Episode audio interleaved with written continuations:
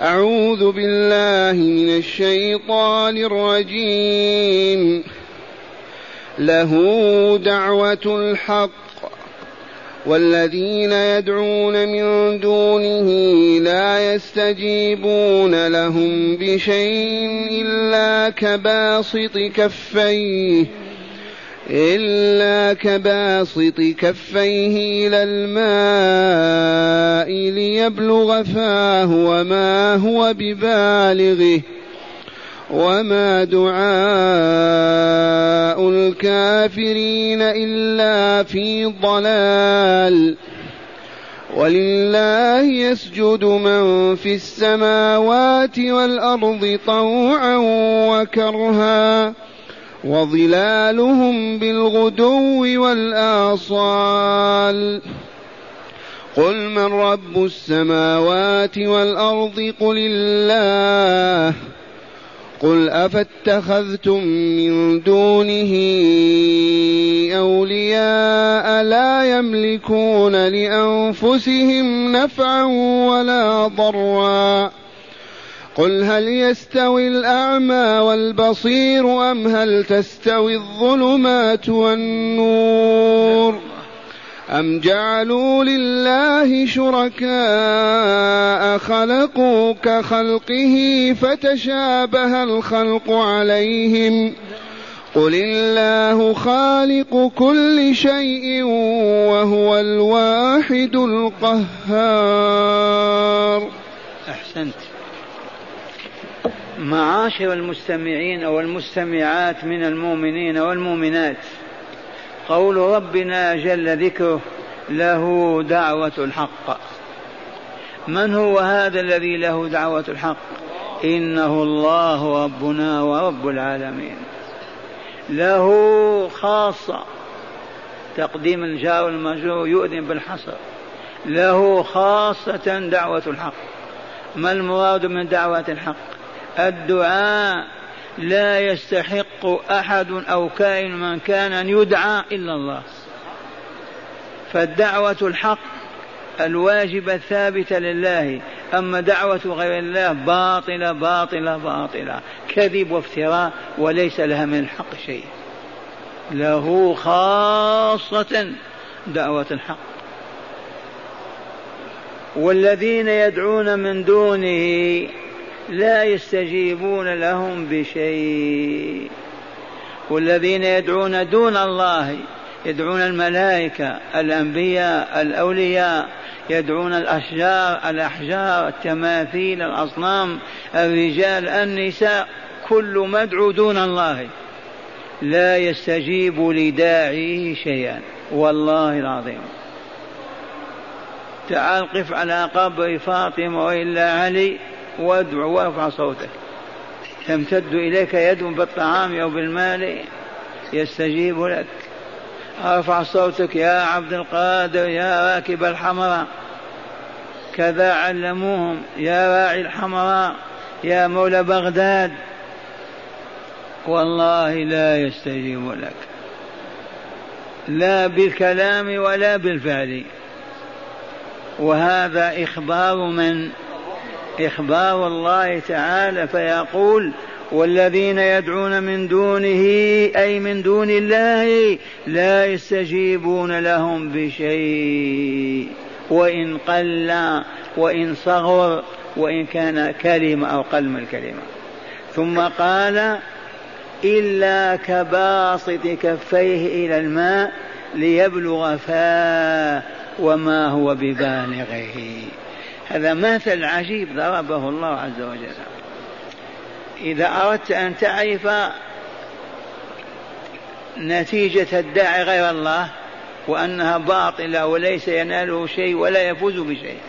المثال لهذه الحقيقة كالظمآن العطشان يقف على حافة البير والماء بعيد في قعر البير ويمد يديه هكذا يبسطهما. يجيه ما يحصل. يريد ما ليبلغ فمه وما هو ببالغه. هذا الذي يدعو غير الله. ولو دعا الأنبياء والمرسلين والملائكة والمقربين فضلا عن الأموات والقباب والأحجار. إلا كباسط كفيه إلى الماء ليبلغ الماء فمه وما هو ببالغه. وأخيرا وما دعاء الكافرين إلا في ضلال. وما دعاء الكافرين إلا في ضلال. كأنما يقول كل مشرك كافر. ما قال وما دعاء المشركين؟ قال الكافرين. دعاء الكافرين في ضلال ما يستجاب لهم ولا يعطون ابدا ما طلبوا ولا يكرمون ولا يعزون ابدا لأنهم عادوا ربهم ووالوا غيره. عادوا خالقهم رازقهم خالق الكون كله من أجلهم والتفتوا إلى الأصنام والأحجار والعباد يدعونهم. إلا كباسط كفيه. هذا مثل لمن يدعو غير الله ليستجيب له ويقضي حاجته. عقيم يريد ولدا فقير يريد مالا.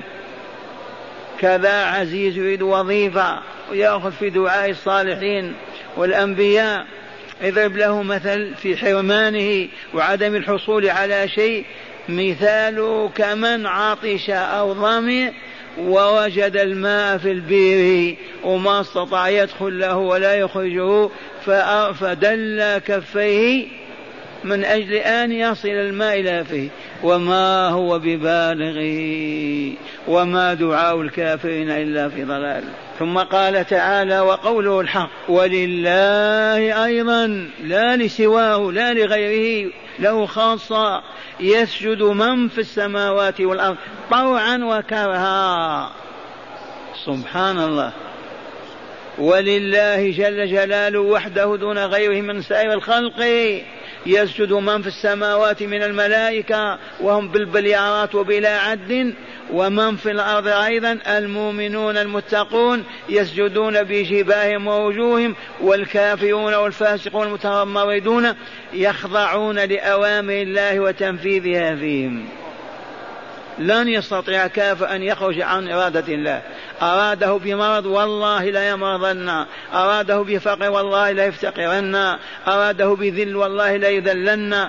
ولا يستطيع أبدا أحد أن يخرج عن دائرة الخضوع لله والذلة له. لله ما في السماء ولله يسجد. أن يذل وينحني وينكسر من في السماوات والأرض. ولله يسجد من في السماوات ولله يسجد من في السماوات والأرض طوعا أو كان الطوع من لمن؟ للمؤمنين. نحن نسجد طائعين ولا لا؟ أو مكرهين؟ طائعين. وكرها من هم المكرهون؟ قد يكون المنافقون. إذا كانوا في الدولة الإسلامية ما يستطيعون أن لا يشهدوا الصلاة فيصلون ويسجدون وهم كارهون. ما هو طوع كرها الكافرون كما قلت لكم خاضعون لأمر الله ساجدون له. يميتهم يحييهم يعطيهم يمنعهم يضرهم ينفعهم لا يخرجون ابدا عن تدبير الله وقضائه فيهم وحكمه عليهم.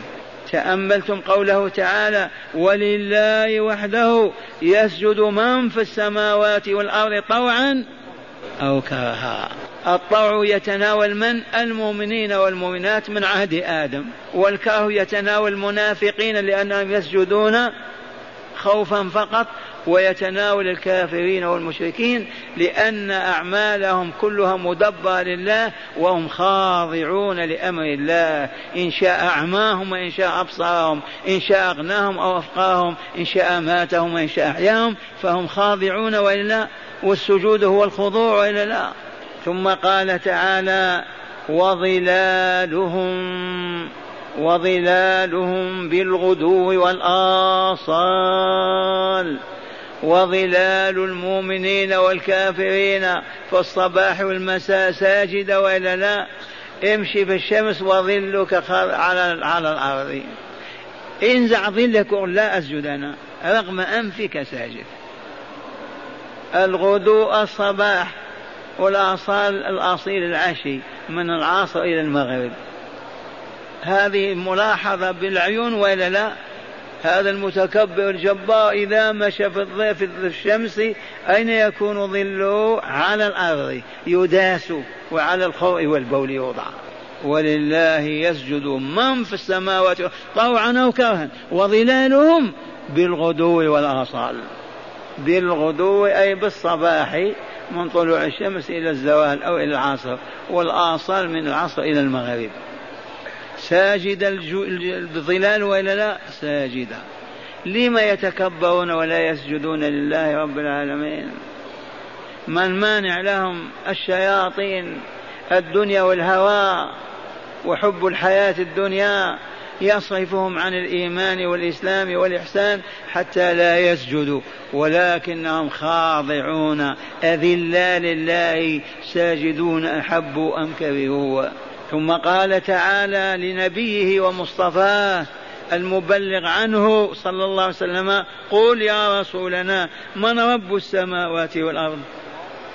يا أبا جهل يا عقبة بن معيط يا المغيرة يا فلان من رب السماوات والأرض؟ والله ليقولن إلا الله. ما يقول أمي يصحى منه الناس أو جدي أو بنو هاشم في من يقول قل للملاحدة الآن والبلاشة والعميان والضلال وهم أكثر العالم من خلق السماوات والأرض؟ أو يقولون الطبيعة من طبع الطبيعة يا أعمى؟ لم تهرب وتفر انطق بفطرتك الله! ما هناك جواب إلا هذا. ولئن سألتهم يا رسولنا سألتم قل من رب السماوات والأرض؟ أي من خالق السماوات والأرض ومدبر ما فيهما يحيي ويميت يرفع ويعز ويضع ويطع ويرفع. من يقولون الله؟ أي قل الله اسبقهم أنت يا رسولنا. ما تنتظر الجواب لأنهم سيقولون الله اسبقهم أنت. قل الله أسألكم أنا من رب السماوات والأرض؟ الله. قبل أن تقولوا ما في إلا هو. لأن الرب ليس معناه المعبود فقط. الخالق الرازق المحيي المميت المعز المذل المعطي المانع. مدير الكون ومدبره. ليس إلا الله. ابحث في الشرق والغرب واجتمع مع الفلاسفة والمناطق والدهيين والبلاشفة. قل انطق بحق. من خلق السماوات والأرض؟ ماذا يقول؟ قل ها لا أدري. هذا حيوان هذا. وقل قلت لكم افضحوا قل له قف. وقف. أسألك تصدق وإلا لا؟ قال اسأل. أنت مخلوق أو غير مخلوق؟ أو أنت موجود أو غير موجود؟ فإن قال غير موجود هذا مجنون أحمق أخرجوه. وإذا قال موجود نقول من أوجدك؟ من موجدك؟ فيتحطم. يرجع يقول الله يستريح. الله قل من رب السماوات والأرض؟ قل الله. بل قل الله. قل أفلا قل قل أفاتخذتم من دونه أولياء؟ قل يا رسولنا. لمن تسألهم عن عن الخالق عن رب السماوات والأرض ويجيبون بأنه الله. إذا قل لهم أفاتخذتم من دونه أولياء؟ لا يملكون لأنفسهم نفعا ولا ضررا قبل أنتم أيضا كيف يعني تعرفون هذا وتتخذون من دونه أولياء؟ تعرفون أن لا خالق إلا الله للسماوات والأرض وما فيهما ومع هذا تتخذون من دونه أولياء. أولياء آلهة تعبدونهم بالدعاء بالذبح بالنذر بالتقرب بأنواع القربات. لا يملكون لأنفسهم نفعا ولا ضرا. فضلا أن يملكون لكم أنتم. الصنم لو جاء رجل كسره ما يستطيع يرد عليه. القبر القبة لو جاء واحد يهدمها ما يقوم الولي يدفع عنها. لا يملكون لأنفسهم هم نفعا ولا ضرا فكيف يملكون لكم أنتم النفع ويدفعون عنكم الضر؟ سبحان الله العظيم. هل يبقى مع هذا واحد يقول غير لا إله إلا الله؟ أبدا. لا إله إلا الله. وقد قلت غير ما مر. اجلس في أعظم مجلس. من علماء الكون والنفس والطبيعة والصناعة و في مؤتمر يحمل الآلاف وقول لهم اسمعوا لا إله إلا الله. من ينقض هذه الجملة؟ هاتوا ما عندكم. نقضها بما يكون. يكون بأن لا إله أبدا. هذا كلام باطل باطل باطل. أنت من طبع قلبك وعينيك تقول لا إله خالق ثانيا لا يستحق أن يعبد إلا هو إذ هو الخالق الرازق المدبر. أما غيره مخلوق مرزوق مدبر ما يملك نفعا ولا ضرا فكيف يؤله مع الله؟ إذا قف في مجتمع أعظم مجتمع وقول اسمعوا هذه القضية. يا علماء السياسة اعلموا أنه لا إله إلا الله انقضوها. لا تنقضوا أبدا بوجود خالق رازق مع الله. والله لا يجدون. لا تنقض أبدا بأن يوجد من يعبد مع الله كعيسى أمه أو العزير أو فلان وفلان.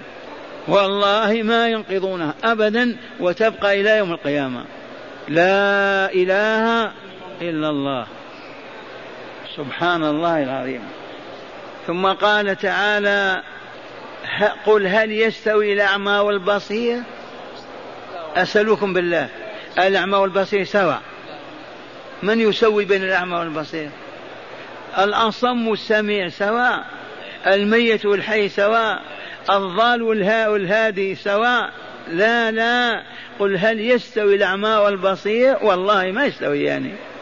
فالمؤمن الموحد بصير والمشرك الكافر أعمى. المؤمن البصير شاهد الله في آياته في الكون في الأرض والسماء وفي الكتاب فقال أشهد لا إله إلا الله والكافر ما فتح عينيه ولا أعطى أذنيه فهو كالبهيمة. أعمى لا يبصر. قل هل يستوي الأعمى والبصير؟ أم هل تستوي الظلمات والنور؟ من يقول الليل كالنهار؟ من يقول الظلمة في غرفة في حجرة كالضوء في أخرى؟ في عاقل يقول سواء لا بأس. والله ما يستويان. أجهل الخلق ما يقول يستويان.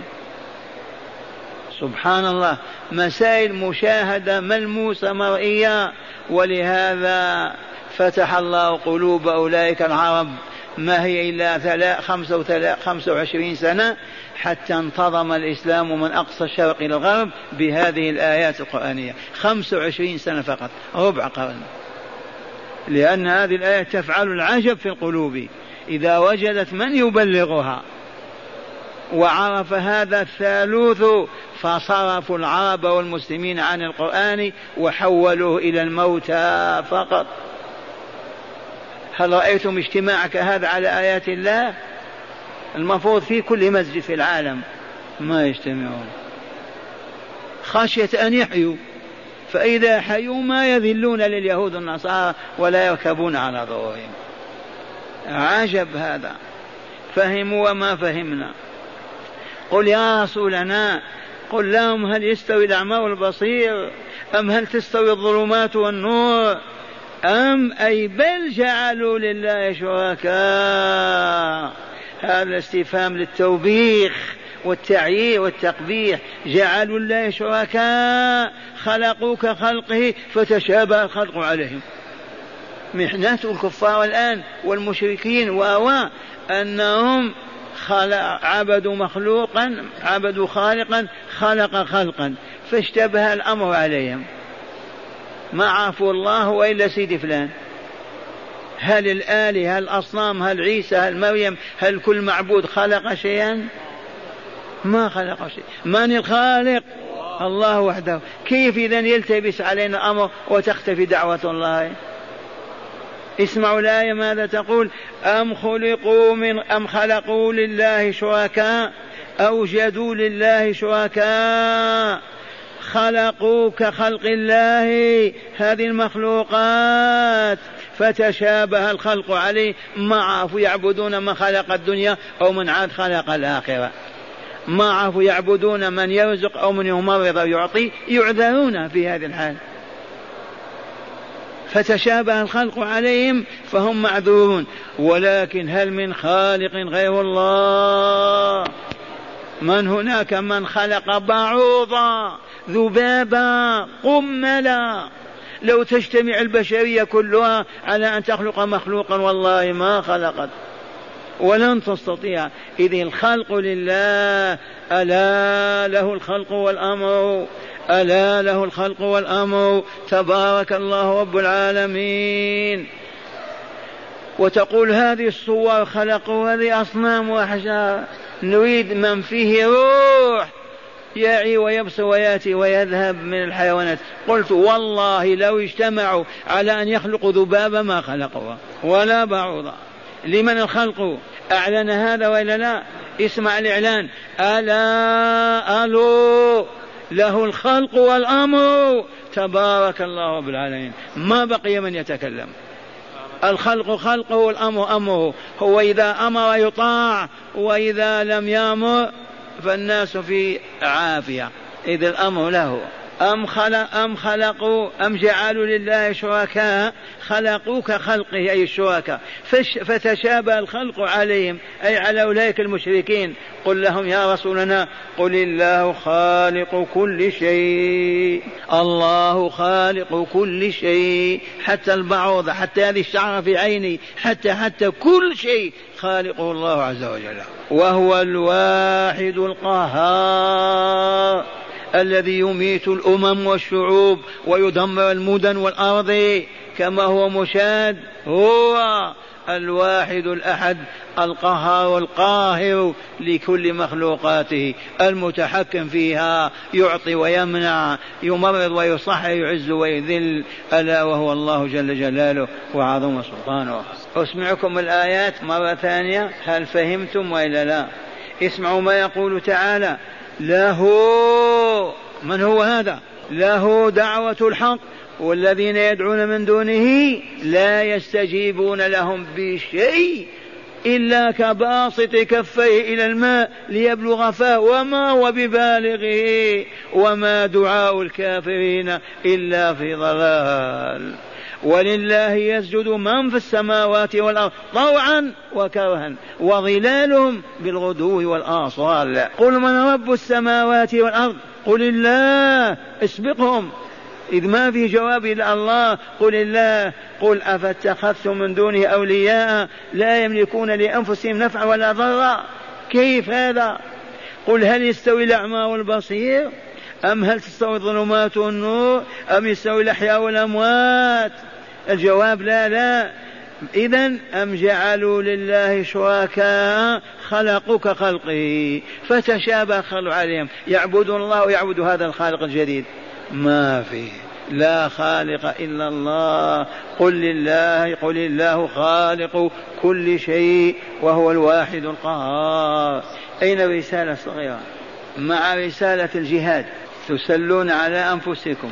عرفتم فتح الله عليكم أن الأعداء أربعة.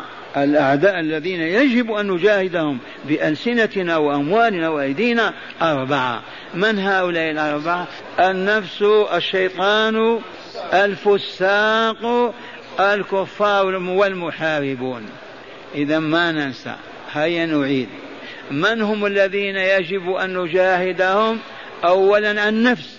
نفسك جاهدها حتى لا تخضع للأبالس الشياطين وتخضع للرحمن الرحيم.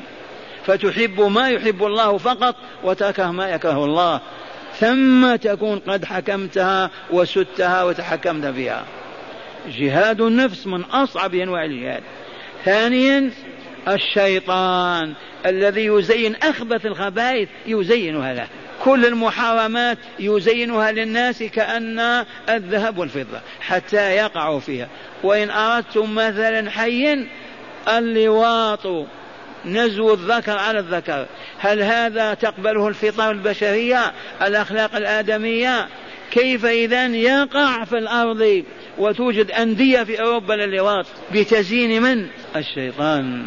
زين لهم الشيطان أعمالهم فصدهم عن سبيل الله فهم لا يهتدون. ثالثا الفساق. كذا من هم الفساق؟ الذين يتركون الواجبات ويغشون المحرمات من المؤمنين والمؤمنات. رابعا الكفار والمحاربون. إذا عرفنا ونجاهدهم بأموالنا وأنفسنا وألسنتنا.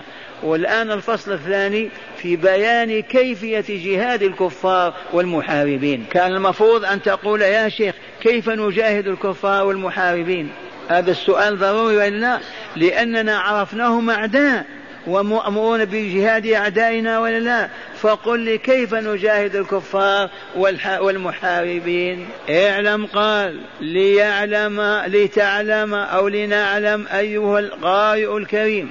نحن نقول لنعلم أيها المستمع الكريم أن جهاد الكفار والمحاربين يتم للمسلمين ويصح منهم ويثابون عليه بما أعد الله لمن يجاهد في سبيله من الرضوان والنعيم المقيم. إذ قال تعالى من سورة التوبة الذين آمنوا وجاهدوا الذين آمنوا وهاجروا وجاهدوا في سبيل الله بأموالهم وأنفسهم أعظم درجة عند الله وأولئك هم الفائزون. يبشرهم ربهم برحمة منه ورضوان وجنات لهم فيها نعيم مقيم خالدين فيها أبدا. إن الله عنده أجر عظيم. من هؤلاء؟ المجاهدون.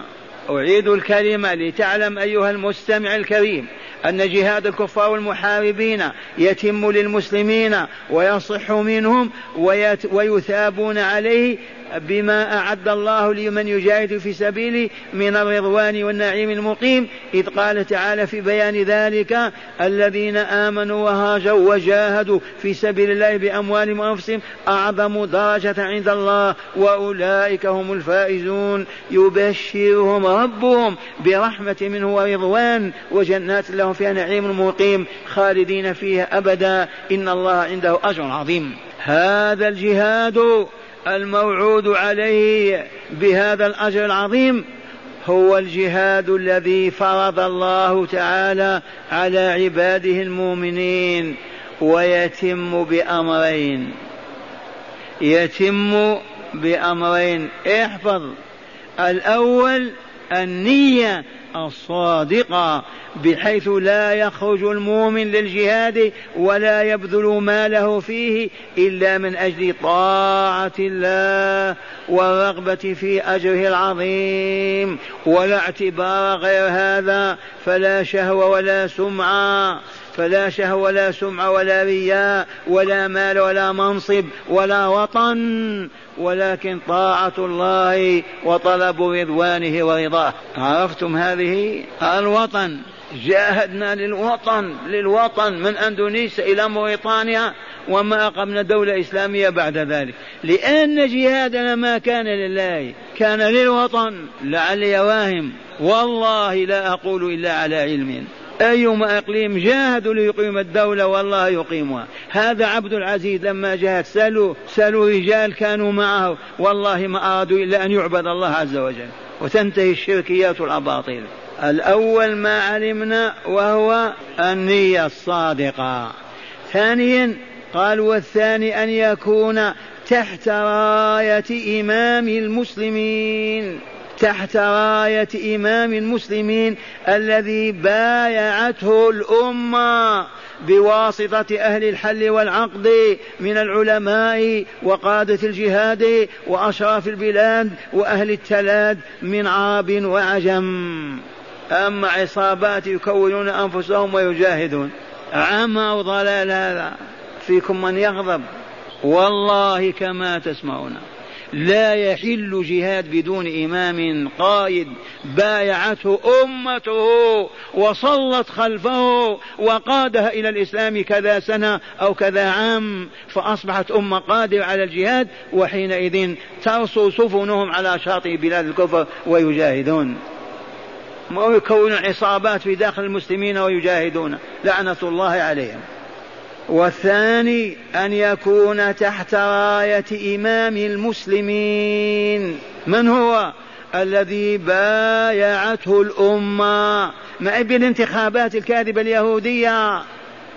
الانتخابات باطلة وفاجئة وضلال وكفر وليس من الإسلام في شيء.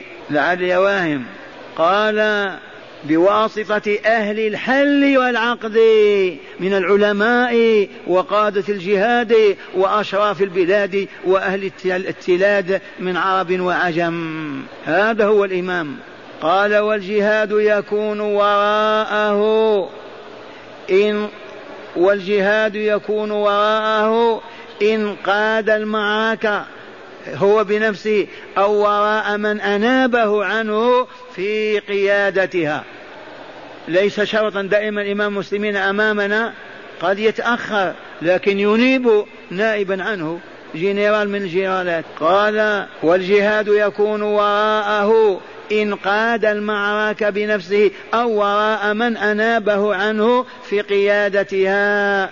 وهذا أمر مجمع عليه بين أهل السنة والجماعة مأخوذ من كتاب الله وهدي رسوله صلى الله عليه وسلم. فأيما جهاد لقتال الكفار والمحاربين لم يتوفر فيه هذان الركنان فهو جهاد باطل لا أجر فيه من الله تعالى ولا مثوبة ولا يرجى لمن قام به نصر ولا فوز لا في الدنيا ولا في الآخرة. كصلاة كصلاة بلا وضوء فهي باطلة كصيام بلا نية باطل كعبادة مع الشرك باطلة. وأما كيف وأما كيف تدعو وتقاتل ففي الفصل الثالث إن شاء الله غدا.